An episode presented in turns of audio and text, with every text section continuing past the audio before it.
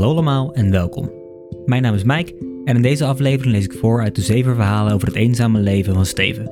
Dit is Verhalen voor het slapen gaan.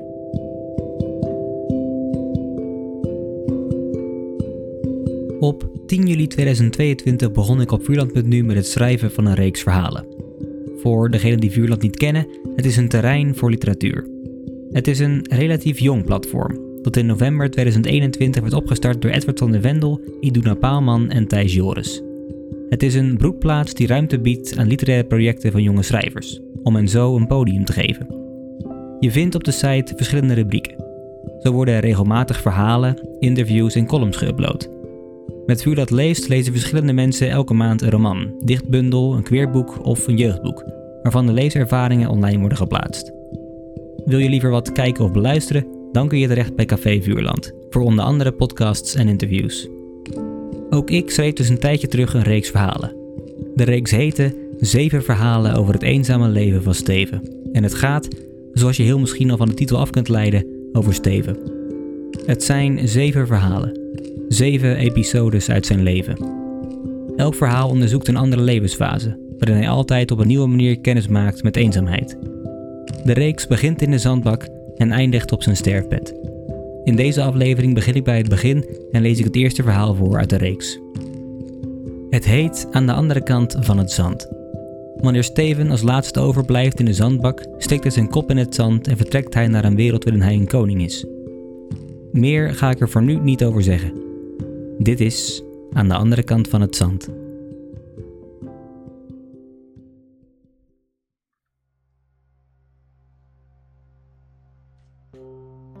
Aan de andere kant van het zand. Wanneer ook het laatste kind met zijn hand in die van zijn moeder en zonder Steven gedachten zeggen uit het zicht is verdwenen, en Steven dus alleen nog maar omringd is door nu alweer vergeten en morgen alweer platgestampte zandkastelen, graaft hij een gat en steekt hij zijn kop in het zand. Hij blijft vroeten en komt alsmaar dieper en dieper. Het lijkt een eeuwigheid te duren, en even krijgt hij het gevoel dat het zand hem zal doen stikken. Maar dan voelt hij eindelijk, zoals altijd, dat het topje van zijn hoofd de oppervlakte doorbreekt. Zodra Steven zichzelf helemaal heeft uitgegraven en hij al het zand van zijn lichaam heeft afgeklopt, wordt hij begroet door een oneindig strand. Een opkomende zon en zachtjes kabbelende golven die zijn tenen kietelen. In de verte ziet hij zijn thuis. Een gigantisch zandkasteel dat als een soort berg uit de zee rijst. Koning Steven is teruggekeerd, hoort hij iemand roepen. Mensen steken hun hoofden uit de ramen van hun huizen om een kijkje te nemen en voor hij het weet staan de straten vol onderdanen die hem aanstaren. Na zijn maandenlange reis zullen ze hopen dat het goed nieuws is dat hij brengt. En, mijn koning, is er vrede? hoort hij iemand vanuit de menigte roepen. Steven kijkt even om zich heen en glimlacht naar zijn publiek. Dan, nadat hij de wanhopige blikken vol anticipatie voldoende zich heeft opgenomen, zegt hij: Er is vrede. Het volk barst uit in luid gejoel en gejuich. En onder een daverend applaus en kreten als Lang leven koning Steven baant hij zich op zijn paard een weg naar zijn kasteel. Wanneer Steven eenmaal is aangekomen, blijkt dat zijn wederkeer tot in de puntjes is uitgedacht. Zijn troon is gedecoreerd met de mooiste patronen in bladgoud. Aan de stenen muren in de grote hal hangen prachtige banieren. Een bard speelt op zijn lier en zingt een lied over het heroïsche leven van koning Steven. De tafels zijn bedekt met zilver bestek en eindeloos veel eten. Door de hele hal staan stonnen met mede en wijn verspreid. Zijn meest trouwe adviseurs geven hem hun complimenten over zijn diplomatieke prestaties. En een klein comité aan knechten staat hun bevelen af te wachten. Laat het feest beginnen, roept de koning, en de knechten schieten weg. Steven neemt plaats op zijn troon en kijkt toe hoe de grote hal langzaam volstroomt. Vrienden en familie, de rijkste mensen van de stad, heersers van verre landen en hun kroost. Allemaal zijn ze erbij en komen ze even langs bij koning Steven voor een praatje. Steven op zijn beurt vertelt maar al te graag over zijn avonturen tijdens zijn reis. Over hoe hij door dorpen en steden trok die nog niet eens op zijn landkaarten stonden. Over de draak die hij met een enkele slag van zijn zwaard versloeg.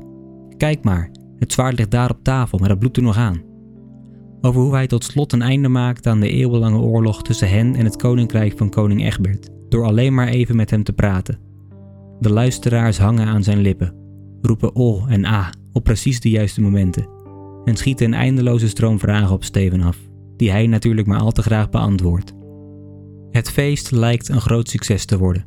Er wordt gelachen, gezongen en gedronken, totdat de deur van de grote hal met een kreet open wordt gebeukt en de bode al zwetend en hijgend binnenkomt gestrompeld.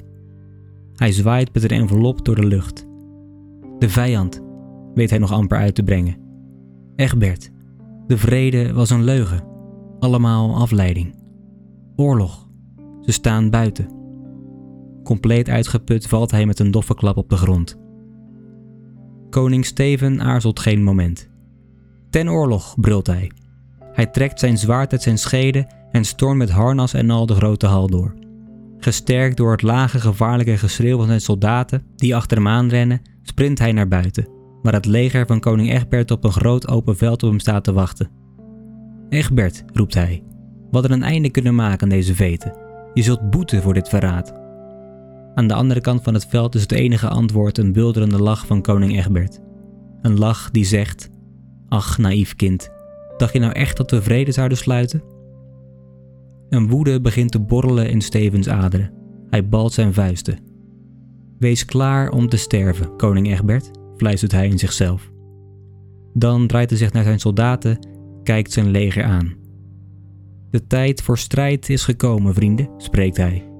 Verdedig onze stad, verdedig ons volk, verdedig onze trots.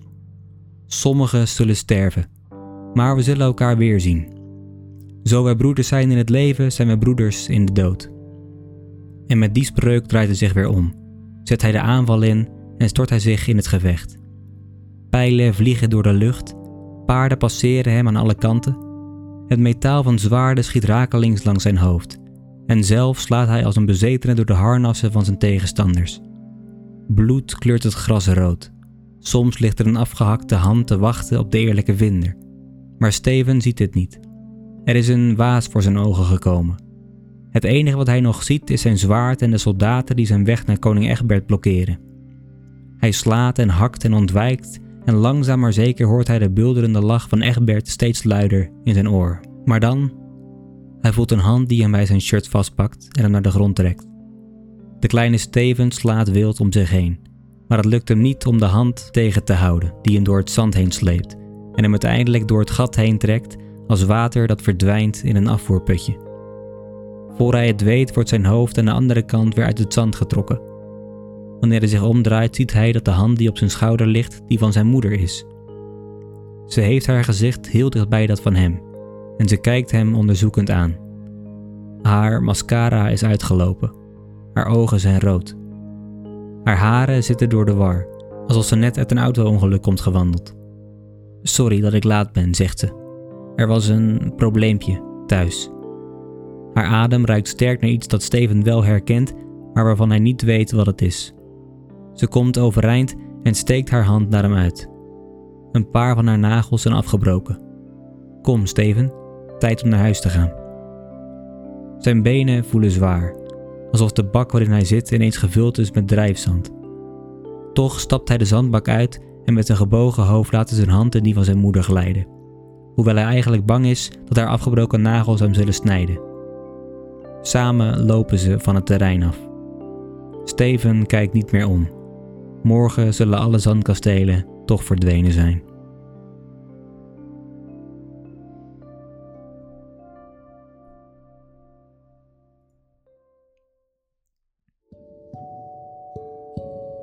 Dat was aan de andere kant van het zand. We lezen dus hoe Steven zijn hoofd in het zand steekt en er aan de andere kant weer uitkomt. En terechtkomt in een fantasiewereld waarin hij de grote koning Steven is. Zijn volk jaagt hem toe wanneer hij van zijn lange reis langs dorpen en draken terugkeert en schijnbaar vrede met zich meeneemt. Er staat een feest voor hem klaar, maar dan blijkt koning Egbert buiten te staan voor een strijd. We volgen in het verhaal vrij letterlijk de gedachten van Steven. En hoewel duidelijk is dat het een fantasie is, heb ik expres een paar inconsistenties in de fantasie gestopt. Als je snel leest, of als je nog een kind bent midden in de fantasie, vallen die inconsistenties misschien niet zo snel op. Zijn zwaard ligt bijvoorbeeld op het ene moment op een tafel, met het bloed van het draken nog aan, en het andere moment trekt hij hem uit zijn schede om ten strijde te trekken. Wanneer hij buiten komt, is het strand ineens verwisseld voor een groot open veld, dat weer verdwijnt als hij de hand van zijn moeder op zijn schouder voelt. Ik heb hiermee geprobeerd je helemaal mee te laten gaan met de fantasie van Steven, zodat de lezer er net als Steven door de moeder uit weg wordt getrokken. Er lijkt iets mis te zijn met de moeder, waardoor je hopelijk begint te vermoeden dat de thuissituatie van Steven misschien wat te wensen overlaat. Wat die thuissituatie precies is, komen we niet achter, maar dat hoeft ook niet.